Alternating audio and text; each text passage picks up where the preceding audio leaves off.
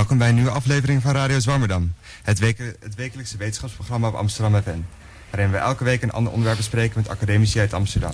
Live vanuit de OBA. Mijn naam is Henk Kraag van der Werven en naast me zit uh, Misha Melita, mijn co-host van vandaag. Goedemorgen. Jij hebt vorige week een mooie uitzending gemaakt over het gevangeniswezen. Vertel er eens wat meer over. Ja, dat klopt. We hadden het er inderdaad over uh, detentie in Nederland met twee wetenschappers, Lisa Cornet en Annemarie Slotboom. Eerst had onderzoek gedaan naar behandelsucces van cognitieve gedragstherapie in de gevangenis. En Annemarie Slotboom doet al tien jaar onderzoek naar vrouwelijke gedetineerden. Nou, dat klinkt interessant. Als je deze of andere uitzendingen wilt terugluisteren... we hebben ze net allemaal online gezet deze kerstvakantie. Je kan ze terugluisteren via de podcast. Dat kan via iTunes, Stitcher of Soundcloud. Uh, het is Radio Zwammerdam met een S en niet met een Z, zodat je ons kan vinden. Um, dit was het over de aflevering van vorige keren. We gaan het nu hebben over vandaag over heroïne en over GHB. Um, dit was allemaal binnen de uh, dossier over Amsterdam. De komende maand zullen nog twee afleveringen komen over dit dossier in Amsterdam. Zo kan je deze zomer, als je op een gezond overgrote strand ligt... en heimwee heft naar het oude vertrouwde Mokum... alle afleveringen over onze stad achter elkaar beluisteren. Ga maar, luister jij wel eens naar podcasts? Nee, nee, nee. Eigenlijk uh, is die wereld nog helemaal onbekend voor mij. Nog nooit gedaan. Uitzending gemist. Dat is uh, het enige wat ik niet live uh, luister. Het werkt ongeveer hetzelfde. Alleen dan via je telefoon. Dat is heel handig. En Ton, jij bent eerder te gast geweest bij Radio Zwammerdam al. Ja, ja. Waar, ging, waar ging het toen over? Het ging toen over het um, Amsterdamse uitgaansleven volgens mij. In relatie met het Amsterdam Dance Event. Dat was de hang-up. En um, over de actuele ontwikkelingen. Wat er allemaal gebeurt in de scene. En hoe we dat volgen. En wat de nieuwe trends zijn. Klopt, ja. ja. En ook deze aflevering is te luisteren als podcast. um, Schijnbaar aan Ton kan zo aan het woord. Maar eerst wil ik onze columnist even verwelkomen. Uh, het is promovendus in de neurowetenschappen Sikko de Knecht. Goedemorgen. Um, welkom Sikko. Je hoorde, ik hoorde dat je persoon van het jaar bent geworden voor Folia. Dat klopt. Hoe komt dat zo? Omdat de redactie van de Folia dat vond. Waarom vond de redactie van de Folia dat? Ja, omdat ik een aantal keren prominent naar voren was getreden in het debat op de Universiteit van Amsterdam afgelopen jaar. En uh, dat vonden zij blijkbaar een prijs waard. Omtrent het uh, Maagdenhuis en de bezettingen, dat ja, soort ja, dingen? En, uh, hoe we verder moeten met de universiteit. Netjes. Um, nou, we gaan nu verder met Gemma. We kijken er uit naar de column. We gaan met Gemma praten over hetgeen dat inspiratie heeft gediend voor de muziek van de Velvet Underground, de boeken van Burroughs en Peter Pontiac's prachtige stripverhalen. Veel mensen zien het nog steeds als een fenomeen dat onlosmakelijk verbonden is met de rock and roll en kijken met een zweem van romantiek op terug. Maar de meesten zullen blij zijn dat van de Amsterdamse straten verdwenen is. Heroïne. Gemma Blok is werkzaam aan de Universiteit van Amsterdam en doet door middel van interviews met gebruikers en ex-gebruikers onderzoek naar de heroïne-epidemie in Amsterdam. Welkom. Je hebt al veel, uh, veel meer gepubliceerd over verslavingszorg en over heroïne. Waarom nu weer een nieuw onderzoek? Nou, omdat uh, in de, wat ik eerder gepubliceerd heb... stond eigenlijk altijd de zorg uh, centraal en de reacties vanuit de politiek. Dus hoe er op dit uh, nieuwe sociale probleem, hè, zoals dat dan werd geduid... werd gereageerd door hulpverleners en politici. Dus dat is heel erg de geschiedenis van bovenaf. En eigenlijk al, al, al schrijvende daaraan bekroop me steeds meer een soort frustratie van... ja, maar hoe zat het nou eigenlijk met de visie van de, de ervaringsdeskundigen... zoals je ze zou kunnen noemen, hè, de, de gebruikers zelf... Hoe kijken zij terug op deze periode? Uh, hoe duiden zij uh, hun heroïnegebruik? Uh, nou ja, zien zij het ook als een ziekte, als een sociaal probleem? Hebben ze een hele andere visie op hoe de geschiedenis is gelopen? En hoe dat heroïnegebruik samenhing ook met de tijd van de jaren 70, 80. Dus daar werd ik steeds benieuwder naar. En toen werd in 2010 ook uh, officieel op de radio aangekondigd van de heroïne-epidemie is voorbij, dames en heren. De heroïne-junk is uit het straatbeeld verdwenen. He, dat was mijn eerste echte prikkel om, uh, om toch eens te gaan kijken van uh, hoe, hoe herinneren de gebruikers zich dat zelf. En toen overleed in 2015 ook nog Peter Pontiac tot mijn grote spijt. Tot ieders grote spijt natuurlijk, niet in de laatste plaats ook van hemzelf. Uh, maar die had ik ook heel graag willen spreken. En toen dacht ik, nu moet ik gewoon echt niet langer wachten. En nu ga ik beginnen. Nu ga ik verhalen verzamelen. Ja, we hebben het ook uh, besloten daar in de ruimte hiernaast. Dat is nu drie dagen, over drie dagen is Peter Pontiac precies een jaar dood. Dus we hebben besloten deze aflevering van maar aan hem op te dragen ook. Dat uh, leek ons wel mooi gepast. Mm -hmm, zeker. En uh, wat ik me verder eigenlijk afvroeg, je noemt het heroïne-epidemie. En dan kan epidemie eigenlijk vooral in combinatie met uh, virale of bacteriële ziektes. Hoe bedoel je dat precies? Ja, nou ja, eigenlijk bedoel ik het een beetje tussen aanhalingstekens. Epidemie is een term die natuurlijk die we kennen van syphilis en TBC en dat soort infectieziektes. Maar die in de jaren 70, 80 door beleidsmakers ook op het gebruik van heroïne werd geplakt. Dat verspreidde zich ook als een olievlek door de samenleving. En daar leek in, in de vorm van gedrag een soort besmettelijkheid in te zitten. Dus dan gaat het niet zozeer om fysieke besmettelijkheid, maar besmettelijkheid van een vorm van gedrag. En dat is natuurlijk een uh, hele besmette metafoor... die door beleidsmakers ook ergens ingezet om, om dat aan te gaan pakken als probleem. Mm -hmm. En zo wil ik het zelf zeker niet zien. Maar ik ben wel ook nieuwsgierig naar hoe dat gedrag zich verspreidde. Dat is bij mij ook wel degelijk een, uh, uh, ja, een punt van nieuwsgierigheid. Van hoe, ging, hoe vond dat plaats? Wie bewonderde wie? En wie zette wie aan tot gebruik? Of met welke idolen en ideeën liepen mensen in hun hoofd? Je begint nooit aan heroïne in je eentje. Dat is een heel sociaal proces. En waar kwam de heroïne vandaan in die tijd? Hoe werd uh, nou, dat geïntroduceerd in Amsterdam? Het werd geïntroduceerd in een, in een Amsterdam waarin al opium werd gebruikt. Dat ten eerste, er was een voedingsbodem voor in, in een kleine subcultuur van mensen die bij de Chinese gemeenschap in Amsterdam uh, opium kwamen kopen. En dat ook al injecteerden. En speed injecteerden.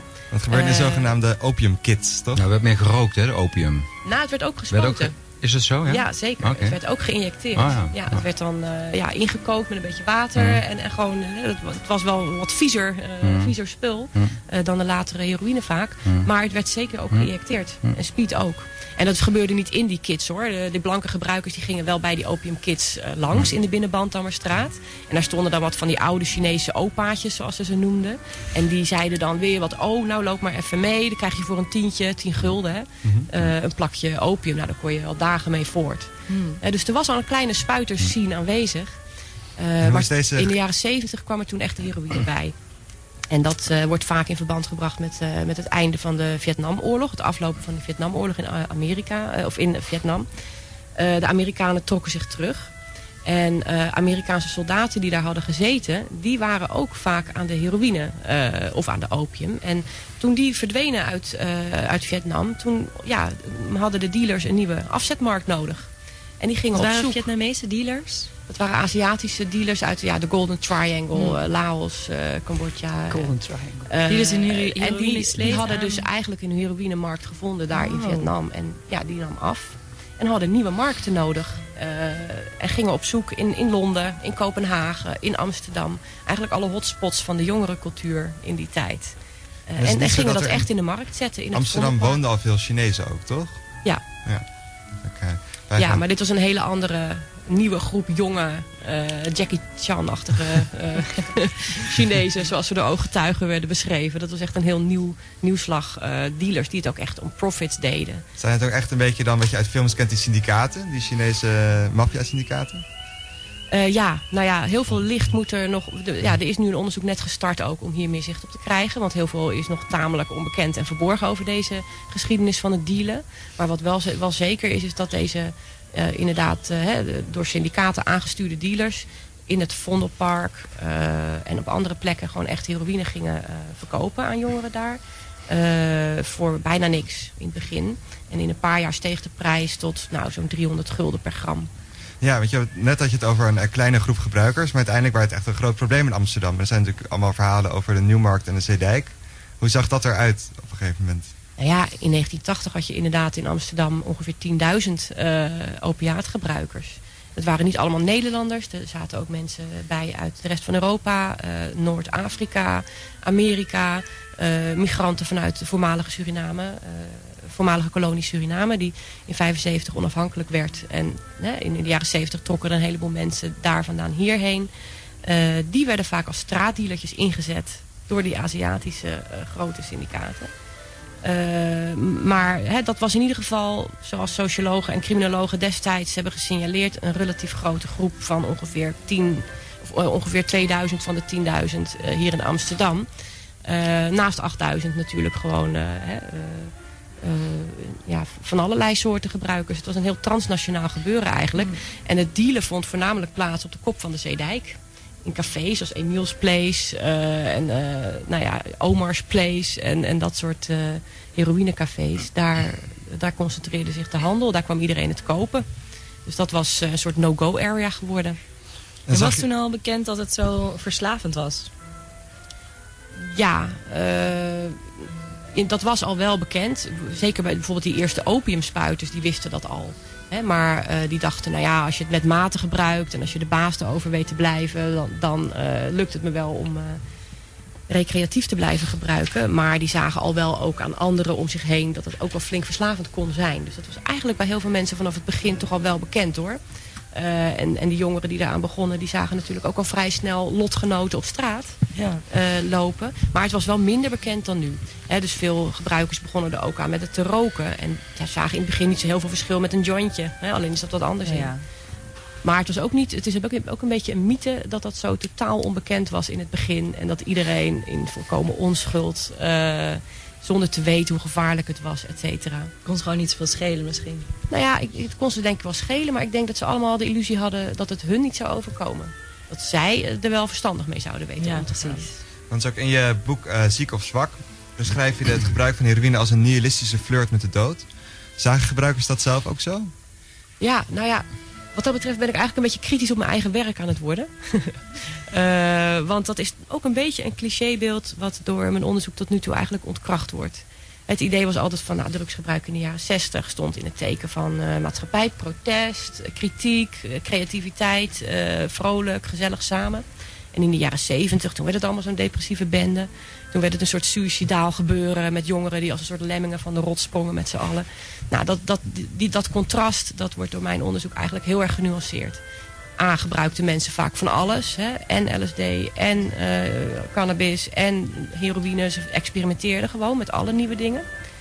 En B, voor veel mensen was heroïne helemaal niet in het teken van een soort doodswens. Of een flirt met de dood. Maar eigenlijk juist een soort zoeken naar een nieuwe manier van leven een betere en ook een soort protest nog steeds. Maar uh, Peter Pontjak bijvoorbeeld, hè, om hem maar even te citeren, dat is wel passend uh, in deze uitzending. Die heeft ooit gezegd over uh, zijn eerste shot opium dat hij daarna in, in huilen uitbarstte. omdat het zo fijn voelde. Alsof hij jarenlang knellende schoenen had moeten dragen. En eindelijk kon hij ze uitdoen. Hè, dat, nou, dat gaf een soort bevrijding. Dat gaf ook nieuwe ruimte voor creativiteit heroïnegebruik ook werd heel erg met creativiteit Dat is eigenlijk in contrast met dat we altijd denken. Je hoort altijd dat heroïne geestvernauwend is. En dan is het bevrijden van je creativiteit staat er daar eigenlijk tegenover moeten staan. Maar dat is dus... Dat is inderdaad het, uh, het, beeld. Maar voor veel mensen die ik spreek, die zeggen juist van... ja, het was wel in die zin bewustzijnsvernauwend dat je uh, de wereld beter buiten kon sluiten. De boze buitenwereld. En ook geen last had van fysieke ongemakken. En niet meer van dat constante getop wat in je hoofd rondgaat over... wat moet ik met mijn leven en wat was mijn jeugd toch naar of wat dan ook. Maar hè, dat kan je allemaal opeens, van je, dat, dat is er niet meer. En het enige wat er is, is jij en die stroom van energie en creativiteit die eruit wil. En die kan opeens veel onbelemmerder door al die onzekerheden en tobberijen en fysieke ongemakken, woep, zo stromen. En het is ook wel, dat het te maken heeft met creativiteit blijkt ook wel uit de mensen die het hebben gebruikt. Dat ook wel een soort, bepaald soort subculturele status, noem je ook in je boek. Kan je daar iets meer over zeggen? Ja, het had ook status. Dat geldt natuurlijk. Hè. Dat, dat, geldt, dat is een, eh, een term die is verzonnen door een socioloog. Die schreef over de partycultuur en ecstasy gebruik in de jaren 80, 90. Uh, dat geldt voor drugs in het algemeen, denk ik. Dat je je door drugsgebruik een bepaalde status kunt verwerven. Aanzien kunt verwerven in, in, in sommige jongere subculturen als jij die eerste bent die op een feestje een spuit opium in zijn arm durft te douwen. Zoals een, op een provofeestje in de jaren 60 in Amsterdam een keer gebeurde. En er ook nog een mooie dame naast jou staat die je arm voor je afbindt. en je maakt daar echt een hele happening, een act van. Ja, dan ben je natuurlijk wel helemaal de man. En uh, dus in, uh, Lou Reed zingt er ook over. Uh, in dat beroemde Velvet Underground lied van... If I put a spike into my vein, it makes me feel like I'm a man. Het had een zekere uh, ja, dat was de ultieme grens. Dat was het ultieme wat je kon doen qua drugsgebruik in die tijd. Was heroïne spuiten. Een soort dat ultieme voor, uh, voorbeeld van vrijheid en helemaal vrijgevochten zijn. Dus eigenlijk de ultieme rebel als ja. je heroïne gebruikt. Inderdaad, ja. En dat was natuurlijk heel aantrekkelijk. Als je bijvoorbeeld uh, voorheen een, nou, niet zoveel status had, niemand bijzonders was. Je was dan wel opeens bijzonder. Het was de ultieme daad van protest tegen ouders en maatschappij. En ik had je zelf opeens je hele identiteit verworven daarmee. ik heb ook gelezen in de biografie van Dr. Rad bijvoorbeeld... Mhm. dat hij uh, een doktersjas aan had en altijd een tasje bij zich had als hij uh, dan ging gebruiken. Ja. Toch? Dat hij ook een schoolvoorbeeld van heroïnegebruik of subculturele status zou ik zeggen. Ja. als hij zijn café binnenkwam en zijn drugs ging gebruiken, nou ja... Dat heeft ook voor heel veel mensen, ja, navolging heeft dat ook gewoon simpelweg opgeleverd. Dat is moeilijk om hard te maken. Uh, maar als mensen die jij bewonderde dat soort dingen deden, dan was dat natuurlijk, zette dat wel aan om dat ook eens te gaan proberen. Ja, behalve uh, de junk zelf, dat, hoe ze het zelf deden, was het op een gegeven moment ook een grote overlast voor andere mensen. Waar, waarom was dat zo? Waarom had de stad opeens last van de junks? Allereerst omdat het zo duur was, die heroïne. Hè? dus daar heeft het, het, opium, of het drugsbeleid, de opiumwet, heeft daar indirect wel mee te maken. Die het natuurlijk verboden had gesteld. Waardoor dealers op een markt waar veel vraag was naar het spul... heel veel macht hadden en de prijs hoog konden opvoeren. Waardoor mensen vervolgens, wat deskundigen dan noemen... verwervingscriminaliteit moesten gaan tentoonspreiden. Dus ze moesten autokraken gaan zetten. Ze moesten zichzelf prostitueren. Ze moesten roven, stelen, winkel, winkels, winkeldiefstal plegen, et cetera. Om aan hun geld voor drugs te komen. Als je op een gegeven moment, hè, als je gewoonte, je verslaving voortschreed, dan was dat nodig. En wat, wat deden ze daartegen uiteindelijk? Was het alleen verslavingszorg? Hadden ze andere, maatregelingen ook getroffen? Nou, het duurde even eigenlijk. Eh, ja, verslavingszorg was de eerste reactie. En wat ze gingen doen was uh, verslaafde methadon verstrekken. Dat is een synthetisch opiaat, hè, een pure chemische uh, soort vervanger voor heroïne. Wat de afkikverschijnselen onderdrukt. En ook langer werkt dan een shot heroïne. Hè, dat duurt ongeveer acht uur. Een, een, dosis methadon werkt ongeveer acht uur. En een shot heroïne ben je na vier uur moet je eigenlijk alweer op zoek naar je nieuwe uh, dosis. Nou, dat, dat gingen ze mensen geven om ze even te verlossen van hun afkikverschijnselen. En hun leven vervolgens proberen in wat rustiger vaarwater te krijgen, hulp aan te bieden, et cetera. Hoe dat was dan met methadon? Want methadon is dan niet verslavend? Of nou, dat is ook verslavend, ja. Okay. Dus de gebruikers zelf die zeiden, ja, wat hebben we hier aan? Ja. Die waren niet allemaal laaiend enthousiast. Want het was A, niet zo lekker als heroïne. En B, ze zeiden, ja, dan zitten we met een nieuwe, volgens sommigen nog moeilijkere verslaving dan heroïne. Maar ja, het was wel gratis. Oh ja. En als je een keer uh, hè, down and out was en moe en het liep allemaal niet zo lekker met, uh, en je had geen zin om weer uh, op te staan en hard aan je criminele carrière te gaan werken, dan was het toch wel prettig als je je bij de methadonbus kon, kon vervoegen. Gaf wel wat rust. Ja. Maar was dat zo makkelijk? Maar je raakte dan even goed, bleef je verslaafd aan opiaten. Ja. Maar was het zo makkelijk om dan methadon verstrekt te krijgen? Dat je dacht, kijk, ik heb vandaag geen zin om shot bij elkaar te stelen. Dan ga ik maar naar de methadonbus en ik krijg alsnog mijn shot. Werkt het zo makkelijk?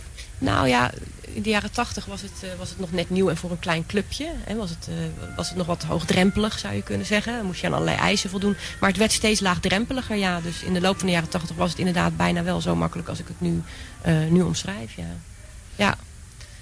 En daarna, in tweede, het taboe was eigenlijk toen heel nog op dwang. Want sommige mensen, de politie, de VVD, pleiten toen al voor... ja, je moet ook gewoon misschien meer dwang toepassen... in de behandeling van deze verslaafden die ook crimineel gedrag verspreiden. Uh, laten ze gewoon gedwongen behandelen. Zoals in Duitsland gebeurt, in Zweden, in Singapore. Maar dat was maatschappelijk gezien een, een erg groot taboe. de, de, de, door, ja, in, in Amsterdam bijvoorbeeld toch wel door linkse partijen gedomineerde politiek was er erg op tegen.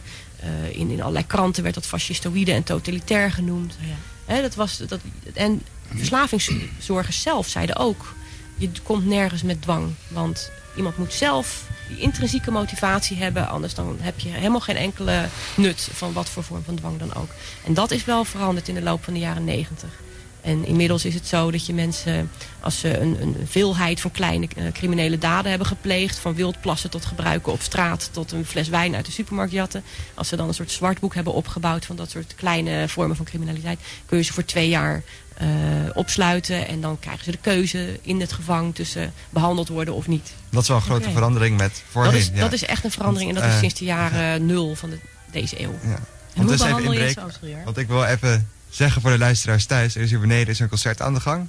Een strijkconcert zo te horen. En waarschijnlijk hoor je dat ook door de uitzending heen. Dat jullie dat even weten. En ik wilde eigenlijk ook, we hadden het over de verslavingszorg. Uh, de bestrijding van heroïne. En ik heb in je boek ook gelezen over de HUK. Zou je daar iets meer kunnen vertellen? Want dat leek me voor mij wel de ultieme vrijplaats voor de junkie eigenlijk. Ja, ja, ja. Nee, dat was inderdaad een beruchte, een roemruchte uh, plaats in Amsterdam in de jaren zeventig. Huis- en uitkeringenkamer, dat was een gebruikersruimte. Uh, opgericht door uh, hulpverleners die eigenlijk zeiden... ja, uh, die, die heroïnegebruikers die moet je niet dwingen om af te kicken. Of die moet je, hè, je moet het accepteren dat ze gebruiken. En ze in, in dat gebruik bijstaan. En, want het is een schande dat ze op straat zo verloederen. Als slachtoffer van de dealers en slachtoffer van onze opiumwet. Dus we moeten ze helpen. We moeten ze een plek bieden waar ze kunnen gebruiken. Nou, dat mocht in dat huk. Dat zat in de spuistraat, een soort kelderruimte. Nou, daar kon je gewoon heen gaan. Er was een huisdealer. Je kon je speed of heroïne daar kopen. Je kon het ter plekke consumeren. Je kon hem altijd krijgen. Een douche nemen. Je medisch laten checken. Uh, et cetera. Een nieuwe spuit kopen voor een gulden uit een automaat. Uh, zodat je geen abscessen of andere nare ziektes als hepatitis op kon lopen. Ehm, en dat was destijds heel vernieuwend. Maar ja, er werd ook wel uh, waarschijnlijk wat geheeld. Hè. Mensen kwamen wel binnen met gestolen spullen. En het, volgens journalisten was het een soort vreselijke helle hol... waar uh, nou ja, waar junks over de grond kropen op zoek naar restjes heroïne die iemand misschien had laten vallen. En nou, een soort tafel in het midden die werd beschreven. Dat had meer weg van het hakblok van een slager dan uh, het bloed erop. En nou ja, goed, heel beeldend. Dus voor journalisten was het ook een hele interessante plek. Maar dat was echt, uh, ja, wel zou je kunnen zeggen, het ultieme beeld van, van heroïne in Dat is ook echt een acceptatie van gebruik eigenlijk dan. Ja, ja, en, en, daar zijn ze heel vernieuwend in geweest in dat huk. En dat is nu ook eigenlijk een dominant paradigma. En nu heet dat dan harm reduction. Hè, dus dat je niet meer moet proberen mensen zozeer van de heroïne af te helpen. Maar de schade van hun gebruik moet beperken. Voor het individu en voor de samenleving. En daar waren zij absoluut pionierend in. Maar destijds stonden ze niet zo heel erg goed te, boek inderdaad. Als een ultieme vrijplaats en een helle hol en et cetera. Ja, en voor je nieuwe onderzoek ben je eigenlijk bezig met een heel ander soort junk. Ben je ook naar op zoek? Want ik las op je website uh, heroïneepidemie.nl dat je op zoek bent naar geïntegreerde gebruikers. Ja, ja dat, dat fascineert me wel. Want je zou kunnen zeggen uh, dat we eigenlijk in, de geschiedschrijving en in de rapporten over heroïnegebruik zijn alleen de mensen naar voren gekomen die in contact met politie en uh, verslavingszorg kwamen. Maar waren er ook mensen die het gewoon in het weekend gebruikten en verder doorfunctioneerden. Daar is heel weinig zicht op. En er hebben zich gelukkig ook al een paar mensen uh, gemeld die ik ook binnenkort hoop te gaan spreken. Want er hebben zich tot mijn verbazing heel erg veel mensen gemeld... die hun verhaal graag wilden vertellen over deze periode. Waar ik natuurlijk heel blij mee ben. Uh, maar dit is een fascinerend uh, onderdeel ervan. Net als met alcohol. Hè. Alcoholisten zijn ook niet het hele alcoholgebruik in Nederland. Er vindt ook een heleboel gebruik plaats van, in allerlei gradaties... van mensen die ook nog meer, hè, wel of niet uh, goed functioneren in de maatschappij. Waar we geen zicht op hebben. Zou dat bij heroïne ook zo geweest zijn? Ja, Daar weten we weinig van. van uh, eenmaal een spuit in je arm ben je voor altijd verslaafd. En dan eindig je op straat zoals iedereen die beelden kent van de ja. Zeedijk. Dat dat eigenlijk allemaal niet klopt. Omdat er zoveel mensen zijn die wel gewoon een baan konden hebben naast hun gebruik van heroïne. Ja, heel veel. Dat is, ja. dat is iets wat ik me afvraag. En waar ja. ik hoop misschien meer zicht op te kunnen krijgen. Ja, een aantal interviews uh, met mensen die ik al heb gehouden... suggereren inderdaad dat er een heleboel buiten de radar is gebleven. He, mensen die ook bijvoorbeeld op eigen houtje afkikten... ergens in een fietsenkelder of uh, wat dan ook. En nooit... Uh, in de statistieken waarschijnlijk terecht zijn gekomen. Hey, want, uh, op de heroïneepidemie.nl heb je het ook over uh, hoe heet ze Nora Falco, de Amerikaanse uh, verslavingsdeskundige. Ja. Uh, zij is heel erg bezig met het verslavingsstigma ook. Het, het, stigma die de verslaafde op zich heeft. Is dat voor jou ook een idealistisch doel met dit onderzoek om dat stigma te bestrijden? Ja, nou ja. dat is zeker wel een doel. Sowieso het debat over drugs wat meer te normaliseren. Want zelfs in Nederland, wat zo tolerant heet te zijn... is uh, drugsgebruik denk ik nog een, een tamelijk een taboe.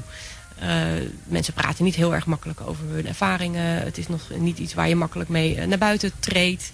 Uh, er is denk ik ook niet zo heel erg veel begrip voor mensen waarom ze drugs gebruiken. Dat neemt wel toe. Uh, maar het is uh, zeker ook een, wel een doel van mij om, om met dit onderzoek het begrip voor drugsgebruik en daarmee ook het stigma eromheen te verminderen.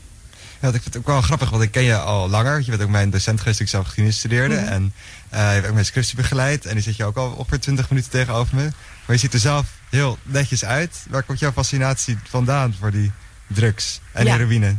Nou ja, dat heeft twee redenen, denk ik. Ik groeide op als puber te midden van die heroïne-epidemie, om het zo maar nog even te noemen, in Rotterdam. En later, toen ik ging studeren in Amsterdam, was dat echt heel aanwezig rondom het station en, en, en in de metro's en overal. En toen dat dus weer verdween uit het straatbeeld, werd mijn interesse dus geprikkeld. Maar daarnaast uh, is, is drugsgebruik ook wel een persoonlijke hobby en fascinatie voor mij geweest als student. Uh, dus wat dat betreft vind ik ook, ja, drugsgebruik is een geïntegreerd onderdeel van onze samenleving geworden. Uh, en dat, ik vind dat dat meer historische aandacht uh, verdient. En daar zit ook wel een persoonlijke achtergrond uh, bij. Want toen ik ging studeren in de jaren negentig was de, de tweede psychedelische revolutie gaande. Nou, waar Ton natuurlijk ook veel over geschreven heeft. De opkomst van de partycultuur in Nederland en Amsterdam. En daar heb ik ook, ook zeer van meegenoten. Uh, en dan denk je later als, als historicus wel van ja, nou ja, goed, in de jaren zeventig was dat de heroïne geweest. Uh, hè, en nou ja, je bent zelf natuurlijk ook een product van je, van je tijd, inclusief het drugsgebruik wat daarbij hoort. Uh, wat ook door modes en golven heen gaat. En waar komen die vandaan? Dus het is een mengeling van wetenschappelijke en persoonlijke interesse. Dat, zo doe ik altijd het liefst onderzoek. Leuk, herkenbaar ook wel. Hey, wil ik dan wel over de drugscultuur van nu. Nu is heroïne bijna helemaal uitgestorven. Voor, ja, er komt in van weinig nieuwe aanwas. Uh, hoe komt dat? Door de, en hoe zit dat in de drugscultuur van nu? Waarom accepteert hij geen heroïne meer eigenlijk? Nou, ik denk dat het vooral ook te maken heeft met wat Gemma verteld heeft, het, verleden. Uh, het heeft natuurlijk... Uh, dat het zichtbaar ook leidde tot, ja, tot verloedering. Het stigma van heroïne en junkies. nou goed, dat is voor nieuwe generaties dat niet altijd een wenkend perspectief. Die denken, nou zo wil ik in ieder geval niet worden. Vooral als je het uh, dagelijks uh, ziet of ermee geconfronteerd wordt. Nou, voor je nieuwe uh, jongere culturen geldt dat ook. Die zetten zich voor een deel ook weer af tegen de voorgaande culturen.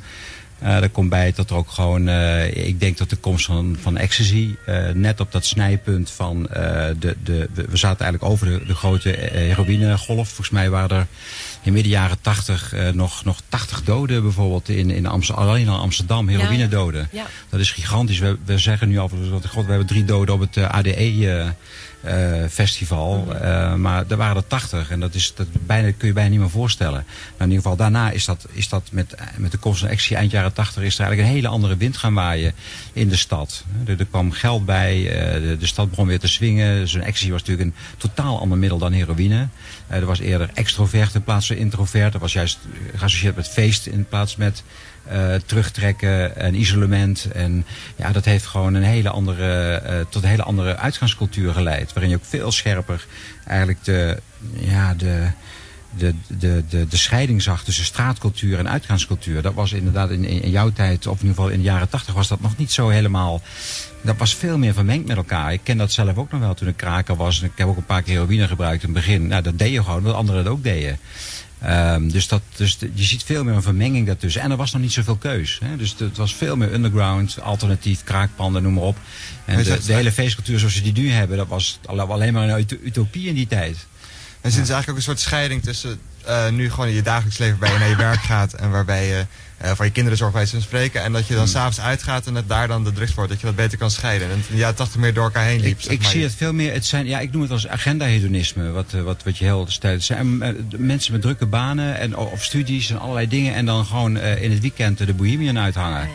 Uh, en dus die hele scheiding van calculerend, calculerend middelengebruik, uh, dat is veel uh, pregnanter eigenlijk nu in leefstijlen dan het vroeger was. De identificatie met, met verslaving of met punk of met gabber of wat, voor subcultuur je hebt, dat was, dat, dat was je, als je het was, dat was je hele leven. Terwijl het nu veel inwisselbaar is geworden. Veel meer, de identiteit is meer fluide geworden. Ene weekend kun je dit doen, ander weekend kun je dat doen en je vermengt het. Dus dat is inderdaad ook wel heel interessant van die, van die drugscultuur, dat het hele ja, het spectrum is veel groter geworden, maar ook de rollen die je daarin kunt spelen.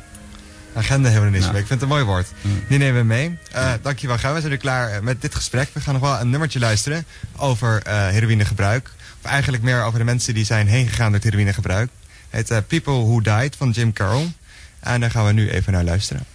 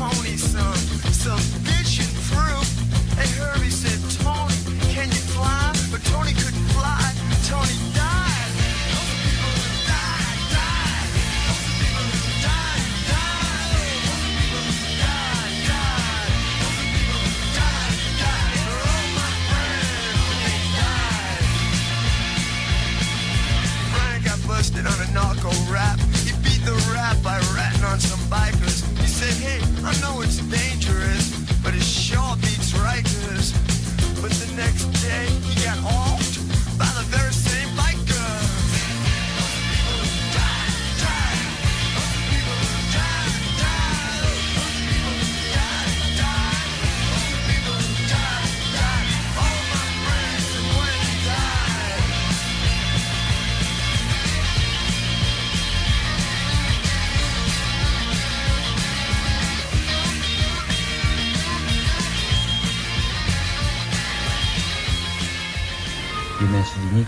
Welkom terug bij Radio Zwammerdam. We spraken juist met Gemma Blok over onderzoek naar de heroïne-epidemie in de jaren 80. En we hebben net ook een luisteraarsvraag gehad van eh, Lars Eijzen. Dankjewel voor het luisteren.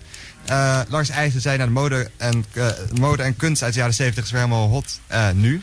En eigenlijk een vraag voor Tom Nabbe. Denk je dat heroïne ook weer terug zou kunnen keren? Het, is mogelijk. Eh, zeg nooit nooit. Eh, en ik zeg dat omdat eh, Amerika, waar, waar de heroïne al veel eerder zijn intrede deed, eigenlijk al 50 jaar, ruim 50 jaar voordat het hier in Nederland kwam, zie je ook dat daar verschillende golven zijn geweest met verschillende bevolkingsgroepen. Eh, van blue-collar workers die eh, heroïne namen eh, tot en met de achterstiekelingen in de jaren 40. Eh, er waar veel meer een verband was met jazz.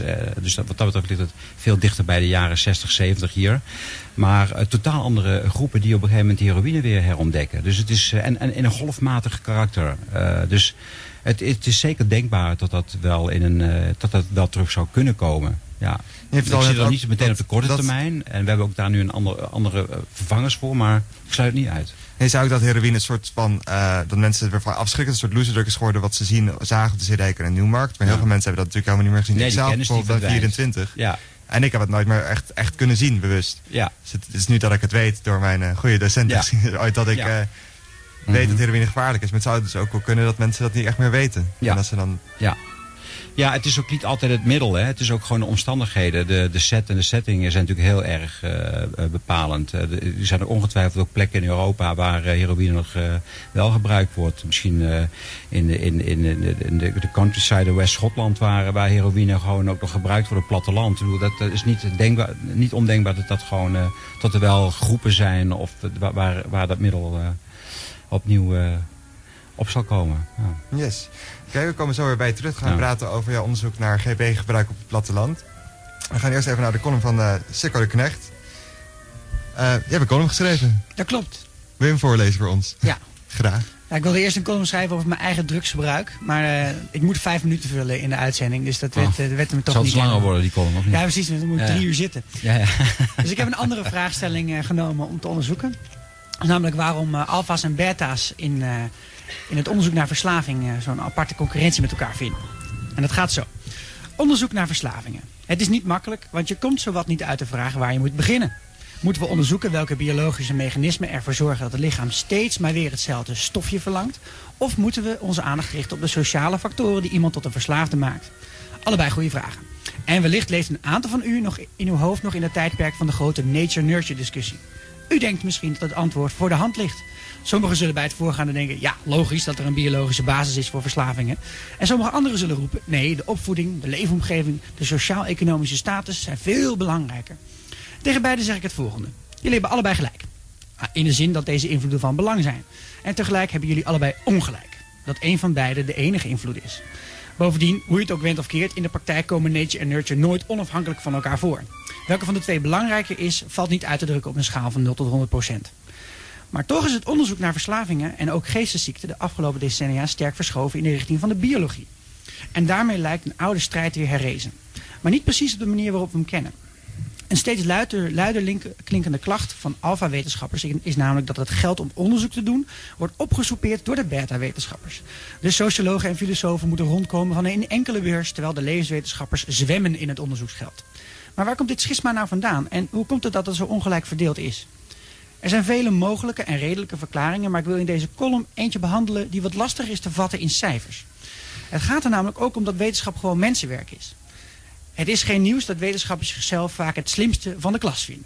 Geen wonder ook, want toen ze nog op school zaten, waren ze dat ook. Maar je kunt nog wel de beste van de klas zijn, maar ook dan maak je fouten en bovenal blijf je mens. En mensen hebben de vervelende neiging wel te begrijpen wat er belangrijk is voor het algemeen belang, maar hun eigen belang al snel ietsjes belangrijker in te schatten. Toen de overheid een tijd geleden besloot het geld voor onderzoek niet zomaar te geven aan wetenschappers, maar een wedstrijdje van te maken, zetten ze deze slimmerikken voor het blok. Eigenlijk weet elke wetenschapper dat je niet objectief en onafhankelijk kunt vaststellen welk project het beste is, of het meest belangrijke, maar toch waren er criteria nodig om vast te stellen welke projecten de honorering het meest verdienen. En daaruit vloeide een papiercircus voort dat zijn weergaan niet kent. Een van de grootste tijdbestedingen is geworden van de moderne onderzoeker, namelijk projectaanvragen schrijven om geld binnen te halen. En wat moet er in die beursaanvragen staan? Nou, dat jouw onderzoek het allerbelangrijkste is, bij voorkeur iets toevoegt aan reeds bestaande kennisbasis en bovenal maatschappelijk relevant is. Want dat is wat de klok slaat in het hele beurzencircus. De overheid probeert op allerlei manieren de burger te betrekken bij de vraag welk onderzoek belangrijk is en relevant genoeg om door de belastingbetaler betaald te worden. Hoe moet het moet maatschappelijk relevant zijn, innovatief en bovenal impact hebben. Dus laten we eens proberen een einde te maken aan verslavingen. Maar hoe doe je dat het best? Deze keuze laten we over aan commissies gevuld met wetenschappers van allerlei pluimage. Die aan de hand van de genoemde criteria zulke keuzes moeten maken. En mijn vermoeden is dat dit de alfa-wetenschappers in het nadeel stelt. Want er zit hier een vreemd fenomeen. Het is over het algemeen makkelijker voor alfa's en beta's samen om kritisch te kijken naar politicologisch onderzoek dan het is voor alfa's om scheikundig onderzoek op waarde te schatten. Dit komt door het feit dat alfa-wetenschappers zich vaak bezighouden met onderwerpen waar iedereen zich een voorstelling bij kan maken. Thema's die te maken hebben met de maatschappij en met mensen. Hè? Denk aan geschiedenis of maatschappijleer. En dat is toch iets wat minder een ver van mijn bedshow dan theoretische fysica en genregulatie. De beta's kunnen zichzelf daardoor beter op afstand plaatsen en een houding aannemen van... ja, het voert waarschijnlijk te ver om het helemaal precies uit te leggen nu... maar neem er maar aan van mij dat het belangrijk is. Maar alleen dat iets complex is of heel veel achtergrondkennis behoeft... betekent niet dat het ook goed onderzoek is. In alle takken van de wetenschap kom je goed en slecht onderzoek tegen. Maar de onderlinge verhoudingen tussen de vakgebieden zijn gewoon niet gelijk.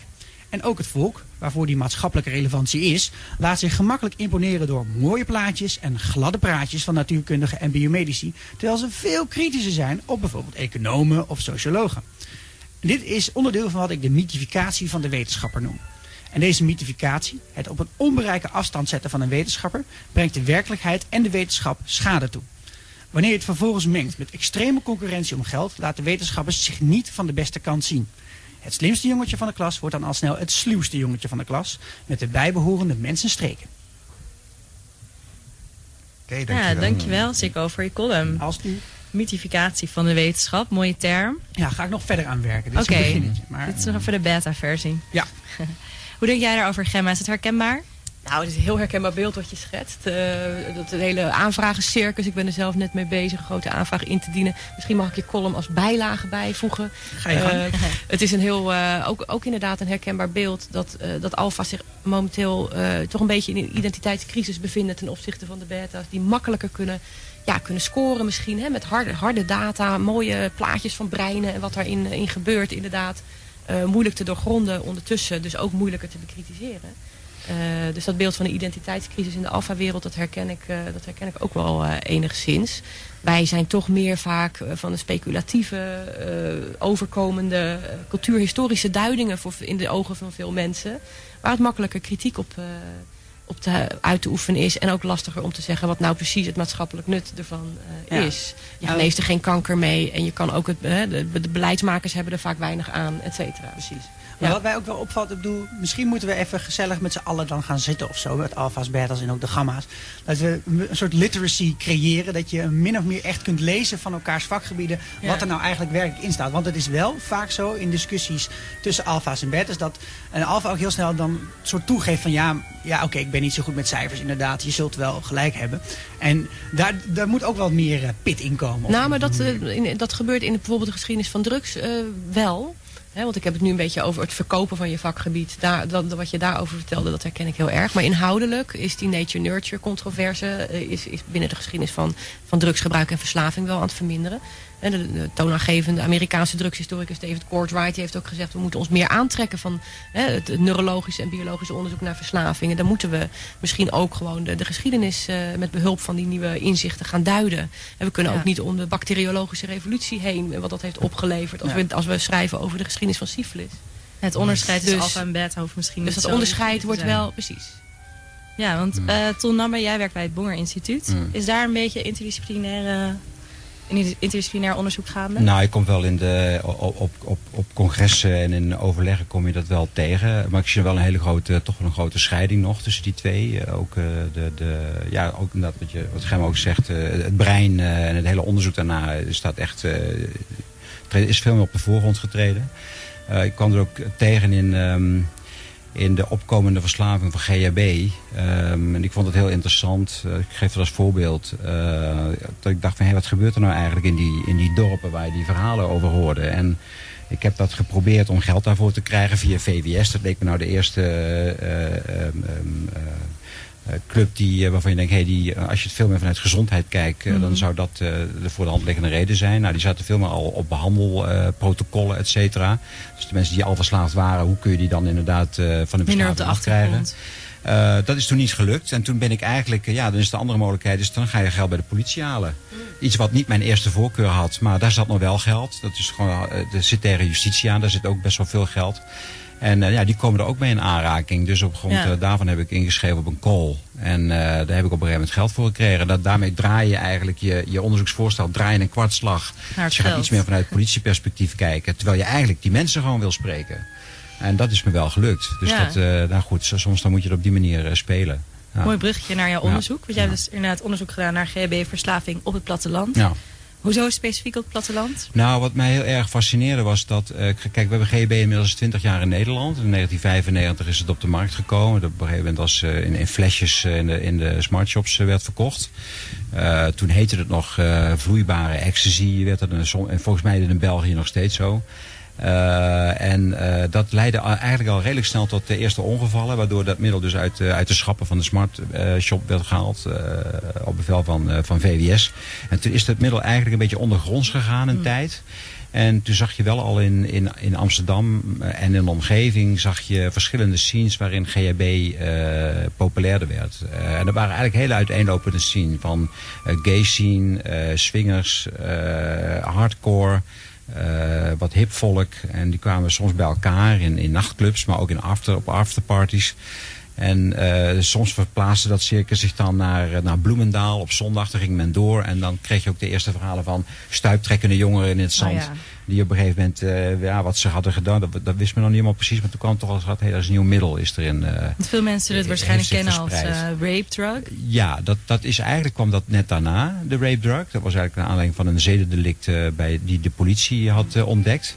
Eh, in zekere zin eh, is het heel erg stigmatiserend, GHB rape. Het is meer. Het, het wordt wel gedaan, maar niet in die omvang zoals men soms denkt. Het is eigenlijk maar een heel klein, eh, klein, klein aantal waarin je dat soort casussen kent.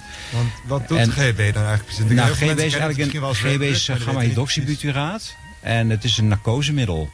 Eh, en het narcosemiddel wat, eh, wat eh, in Europa in sommige landen wel is gebruikt. bij een soort prenarcose voor de operatie. In Nederland heeft het echt nooit, nooit zo'n, is het nooit praktijk, echt duidelijke praktijk geweest. Maar het middel is eigenlijk een, is een deel is het uit de bodybuildwereld vanuit Amerika gekomen. Als een middel wat dus spierversterkend zou, zou werken. En dat is eigenlijk een soort urban myth eigenlijk geworden. Waardoor mensen ook dachten van god. En onder andere ook de bodybuilders die ik in de dorpen tegenkom. Die dachten ook van met GHB erbij dan eh, krijg je nog meer spieren. Dus dat, ja goed, dat, is natuurlijk, dat zijn natuurlijk van die, van die mythes die dan ontstaan. Eh, en ja, dat middel heeft dus eigenlijk is het een, een, een, een downer. En eh, het probleem met GHB is dat het heel erg doseringsgevoelig is. Dus als je het gaat, eh, gaat, gaat doseren in milliliters, dan kan een milliliter net eh, te veel zijn, waardoor je op een gegeven moment in een coma eh, komt. We noemen dat heel populair gezien oudgaan, maar het is eigenlijk een hele diepe remslaap is het. En, het is- en is dat is al naar gelang de dosis die je neemt, ligt het eraan hoe lang je in coma blijft. Ja. En dat kan variëren van een half uur tot een paar uur. Jeetje. En wat Ja. voor mensen kwam je tegen op het platteland die Nou, gebruiken? wa- wat ik, wat ik inderdaad... eh, ik, ik zit in verschillende commissies. En dan werden op een gegeven moment worden er dan risicoschattingen worden er dan gedaan. En dat was, zo'n middel. Dat stond op lijst 2. En dan was de vraag, moet dat naar lijst 1 toe? Dus van een, eh, van een, eigenlijk van een softdruk naar een harddruk. En er kwamen allerlei verhalen. Eh, De burgemeester uit, eh, uit Twenterand, eh, meneer Visser, die kwam op een gegeven moment bij ons op bezoek. Eh was toch behoorlijk, eh, eh, ja, toch behoorlijk bezorgd over de ongevallen in zijn, in zijn gemeente. En ja, we zaten ook te kijken, hey, wat, wat weten we daar nou precies over van het, het gebruik? Want het, het lijkt zo anders, het gebruik, dan in Amsterdam. En eh, nou, toen hebben we op een gegeven moment daarvan hebben we, eh, een, een, onderzoekdesign hebben we geschreven. En we zijn dus vier eh, brandhaarden, zoals we het noemen, zijn we, eh, zijn we gegaan. Eh, en dat waren brandhaarden, eh, dus zo hebben we die gedefinieerd, omdat daar relatief gezien veel meer mensen in aanraking komen met GHB, maar ook verslaafd raken. Eh, er wordt in, in de Randstad wordt behoorlijk veel GHB gebruikt, alleen het percentage verslaafden is hier veel lager dan op het platteland. Dus dan krijg je vervolgens de vraag, ja, hoe kan dat dan? Het is Ja. hetzelfde middel. Zijn het dan andere groepen? Wordt het onder andere omstandigheden gebruikt? Nou, toen hebben we vier gebieden hebben we gedefinieerd. Dus in Brabant, bij Rukven in de buurt. Dus onder Breda. Er zijn een aantal dorpen. Eh, in, in dus dan in Overijssel. Eh, daar heb je een paar dorpen. In eh, Friesland, bij Heerenveen, uh, Jubbega, noem maar op. En in Herugewaard met Lange Dijk. Echt vier van die brandhaarden die eigenlijk eruit springen. Waarin eigenlijk veel meer problematisch gedrag is. En waar ook de politie veel meer problemen heeft. Nou, daar zijn we naartoe gegaan. Hebben daar met allerlei mensen gesproken. Met politie, met gebruikers, met dealers, eh, met, eh, met, met, met bewoners. We hebben daar rondgehangen, observaties gedaan, mensen geïnterviewd. En dan krijg je toch wel een beetje een, een beeld wat, wat, wat daar eigenlijk aan de hand is. En vanuit het idee van eh, genetics loads the gun, environment pulls the trigger. Dat, dat idee, daar krijg je toch eigenlijk van, hé, hey, daar, daar zit je al in deze gebieden. Eh, vooral wat je in Overijssel en Heerenveen, dat, dat zijn eigenlijk de oude veenkoloniën. Waar eigenlijk een soort overerving van, van sociale problematiek is. Eh, alcoholisme, verslaving. eh, je ziet daar ook gewoon relatief gezien een, een, wat meer jongeren met autistische problemen, met, met verstandelijke beperktheid, armoede. Dus er, zijn, er zit eigenlijk al historisch gezien zitten daar al, al groepen en gemeenschappen die het heel zwaar hebben gehad. En waarvan eigenlijk dat ook die armoede wordt doorgegeven.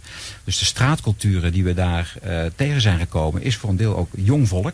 Maar ook, er zit ook nog de oude dorpsjunk zitten daarbij. Waardoor je ook veel sneller een besmetting krijgt. Iets wat je een beetje, beetje in de, in heroïne doet denken. Dus brede leeftijdspreiding. Maar vergelijk ook gewoon pittig drugsgebruik. En dan niet alleen GHB, maar ook, eh, nou goed, de cannabis en alcohol, dat was daar sowieso. Maar de speed is al een speedcultuur. Eh, heroïne ook al een beetje. Crack zit erbij, ketamine. Dus je hebt eigenlijk het hele palet aan middelengebruik. Is daar in feite ook. Het, ik, ik denk waarom GHB erbij gekomen is, en dat heeft ook tegelijkertijd geleid tot, eh, tot de zichtbare problematiek. Drugs waren er al. Maar goed, ook in een dorp, het is vrij gesloten, dus je kunt dat nog eigenlijk nog wel redelijk uit het zicht houden. Met de GHB gingen mensen rare dingen doen. En daarom was die burgemeester ook zo bezorgd. Mensen rijden tegen een boom op, vallen, eh, va- vallen om, plegen zelfmoord. eh, eh, er is veel meer criminaliteit, vermogenscriminaliteit. En dat in zo'n in zo'n klein dorp. En als er dan een paar honderd mensen aan de GHB zijn, ja, dat begint wel Ja, op te vallen in een dorp van 4000 Ik heb ook een inwoners. aflevering van de Zembla gezien waar ze een jongen Ja, precies, precies dat soort. ging, ja. Die Ja. ging out voor de action, Ja. waar dat iedereen langs Ja. loopt. En die Ja. werd, die, ja, die werd dan Ja. opgehaald door de politie, werd Ja. weer vrijgelaten. En dan had iemand, was hij weer opgehaald door de politie omdat hij ergens anders Ja. uit was gegaan. Dus als er Ja, veel jongeren in zo'n dorp Ja. regelmatig oud gaan, Ja. Valt dat natuurlijk wel op. Dat begint heel erg op te vallen, ja. ja. En dat is ook. eh, eh, het is heel moeilijk om, eh, om als buitenstaander in, in dorpen onderzoek te doen naar drugsgebruik. Want je bent eh, een onbekende. Dus het, eh, afgezien of je het dialect altijd wel verstaat. Maar eh, het, hoe het krijg is heel erg. eh, omdat de gemeenschap al gesloten is, maar niet graag de vuile was binnen had. Dus het heeft ook te maken met, eh, met ook een beetje het, het afzetten tegen het gezag. Dat komt weer weer uit, uit de historie voort.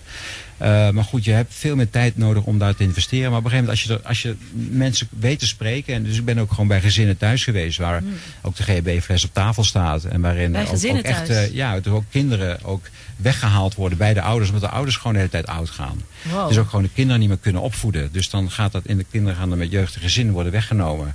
En soms worden mensen gewoon het huis uitgezet. Omdat daar handel plaatsvindt. Omdat daar sientjes zijn die GHB gebruiken.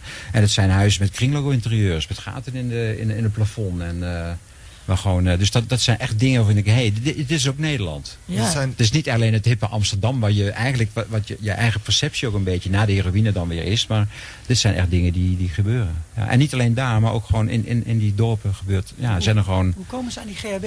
Nou ja, goed, dat is Dat is een van de redenen waarom dat middel ook populairder is geworden. Eh, GB, GHB is, eh, wordt gemaakt van GBL. En GBL is eigenlijk een precursor. Het is ook een vloeistof. En het is een middel wat, eh, wat, wat, wat, er, wat eigenlijk wordt, eh, ehm, wat, wat makkelijk, redelijk makkelijk te krijgen is. En waar ook veel handel op internet op is. Het toeval wilde bijvoorbeeld in Overijssel dat daar een eh, leverancier zat, Wonderclean. En die had dus de GBL, kon je daar gewoon kopen. Die maakte, eh, die maakte eh, reclame op eh, aanstekers en op spandoeken in het dorp. En dan kon je op een gegeven moment kon je dus met je kannetje kon je nog naar Wonderclean gaan. Kon je GBL kon je daar kopen voor eh, 50 euro per, per, per liter. Dan ging je thuis, ging je dan met water, gedestilleerd water, met natronloog, dus een zout, ging je een reactie aan en dan had je GHB. Nou, het is een proces van een kwartier. Dus ik denk van, het, het, het- dit doet mij een beetje denken aan de crystal meth epidemie. Ja. White trash in, eh, in, eh, in de Midwest. Waarin mensen gewoon eigenlijk eh, de, de bestanddelen gewoon eigenlijk in de eigen regio kunnen krijgen. Dat hoeft niet van ver te komen. Het komt niet uit Columbia, de GHB. Dus het is eigenlijk gewoon makkelijk verkrijgbaar, net zoals de speed. Het zijn gewoon lokale gemeenschappen. En als dat middel dan daar vaste voet aan de grond krijgt, dan, dan krijg je inderdaad ook een epidemie van verspreiding van mensen die dat, die dat dan gaan proberen. En dan krijg je inderdaad eh, ja, de speedgebruiker die het heel prettig vindt om GHB weer als downer. Dan krijg je bijna weer het upper-downer verhaal. Ja. Wat je vroeger had met de heroïne en de cocaïne, heb je daar met de speed en de, en de GHB. Herman Brood die vergeleek het altijd wel met, eh, als hij zichzelf met een chemisch vat. Ja. Aan de ene kant is de speed, aan de andere kant de alcohol, om Ja. zichzelf in balans te kunnen Ja, houden. En als nou, dat was, daar, dat was daar al inderdaad. En nu heb je die GHB erbij, wat dus ook gewoon eh, dempend werkt. En als je verder gaat en je gaat naar motieven vragen, dan is in de eerste instantie wel, ja, ik voel me er lekker bij en het is behagelijk, net zoals de heroïne. Eh, je, wordt er ook, je kunt er nog geil van worden als je de eerste keren doet. En daarnaast, maar als je doorgaat, de mensen die het lang gebruiken, dan komt echt de misère komt daaruit van, hey, ik neem het om mijn problemen te ontvluchten. Het zijn, zijn jongeren of jongvolwassenen uit gebroken gezinnen, waar veel problematiek, eh, eh, huisvesting, eh, problemen, ook gewoon ja, gewoon allerlei. Het is gewoon een sociale crisis waarin ze zitten. En die GHB is dan heel dempend. Dat is dan voor hun de uitvlucht. En het is voorhanden en er zijn dus meer Het is mensen in het dorp die dat ook doen. Dus ja, ja. Dit is ook nog een probleem eh, met gevaarlijk. dan. Oh, sorry. Het is ook een probleem met afkicken, lijkt me dan. Want als je dan eenmaal Ja. bent afgekikt, dat je Het dan is, terugkomt eh, in een ik ben, dorp eh, waar iedereen gebruikt. Ja, er, is nu net een eerste, er zijn nu eerste eh, eh, analyses gemaakt van de, de, eh, van de, van de verslavingsklinieken in, eh, eh, in Nederland. Er wordt netjes bijgehouden door het LADIS. En eh, die hebben gekeken naar eh, specifiek naar GHB. En het is eigenlijk een middel wat, eh, waar het, hoogste, zelfs met, met de opiaten nu, is het hoogste recidive. Met andere woorden, mensen die behandeld zijn, in de detox zijn gegaan, komen weer terug, komen weer in dat dorp waar ze vrienden, die ze, waar ze, die ze eigenlijk waar ze mee opgegroeid zijn, die GHB nemen. En ze gaan, ze gaan er weer aan. Dus het is een, een hoge, hoge terugval. Moeilijk van Ja. af te komen ook. Moeilijk van af te komen. Ja, je moet echt gewoon eh, of verhuizen of eh, eh, vertrekken. eh, of je moet heel sterk in je schoenen staan. Wat nog niet zo makkelijk is als je onder arme omstandigheden eh Maar opgegroeid verhuizen bent. lijkt me ook lastig, want het zijn vaak denk ik, jongeren die hun hele leven in het dorp hebben Het zijn vaak de achterblijvers ook. Dus echt de blue-collar workers. Die ook gewoon stratenmakers, metselaars, eh stucadoors, kippenvangers. eh, echt het, het, het, weer het ruikere, eh, de, de, de, de volk. Eh, wat daarop ge- eh, eh, geboren en getogen is. Wat ook hun beroepen hebben.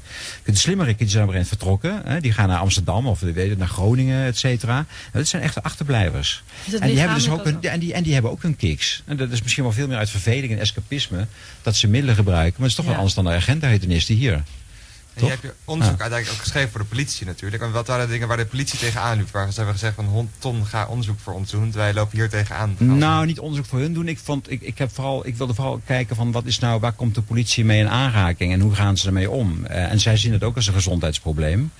Eh, zij zien ook wel van, god ja, je kunt al, ehm, je ziet ook wel een beetje de, het, dilemma waarin men zit. Moeten we de GHB nou afnemen? Nou goed, als het zo verslavend is, dan heb je een probleem. Eigenlijk moeten dit deze mensen geholpen worden. Aan de andere kant krijg je heel verslaafde mensen op je bureau. Die kun je dan niet insluiten, omdat ze gewoon, daar moet dan eerst een dokter bij te pas komen. Die moet dan zeggen dat je verslaafd is. Dan moet er weer een speciale cel voor. Dat kan dan niet in zo'n eh, in zo'n regio. Dan moet je weer naar een andere plek in Nederland. Dus er is ook best wel veel organisatie nodig. En mensen die oud gaan, die moeten moeten er ook weer, als ze ernstig uitgaan, moeten ze met de ambulance mee. Dus die politie wordt er de hele tijd, die is 24 uur bereikbaar, dus die wordt er de hele tijd bijgehaald. Ja.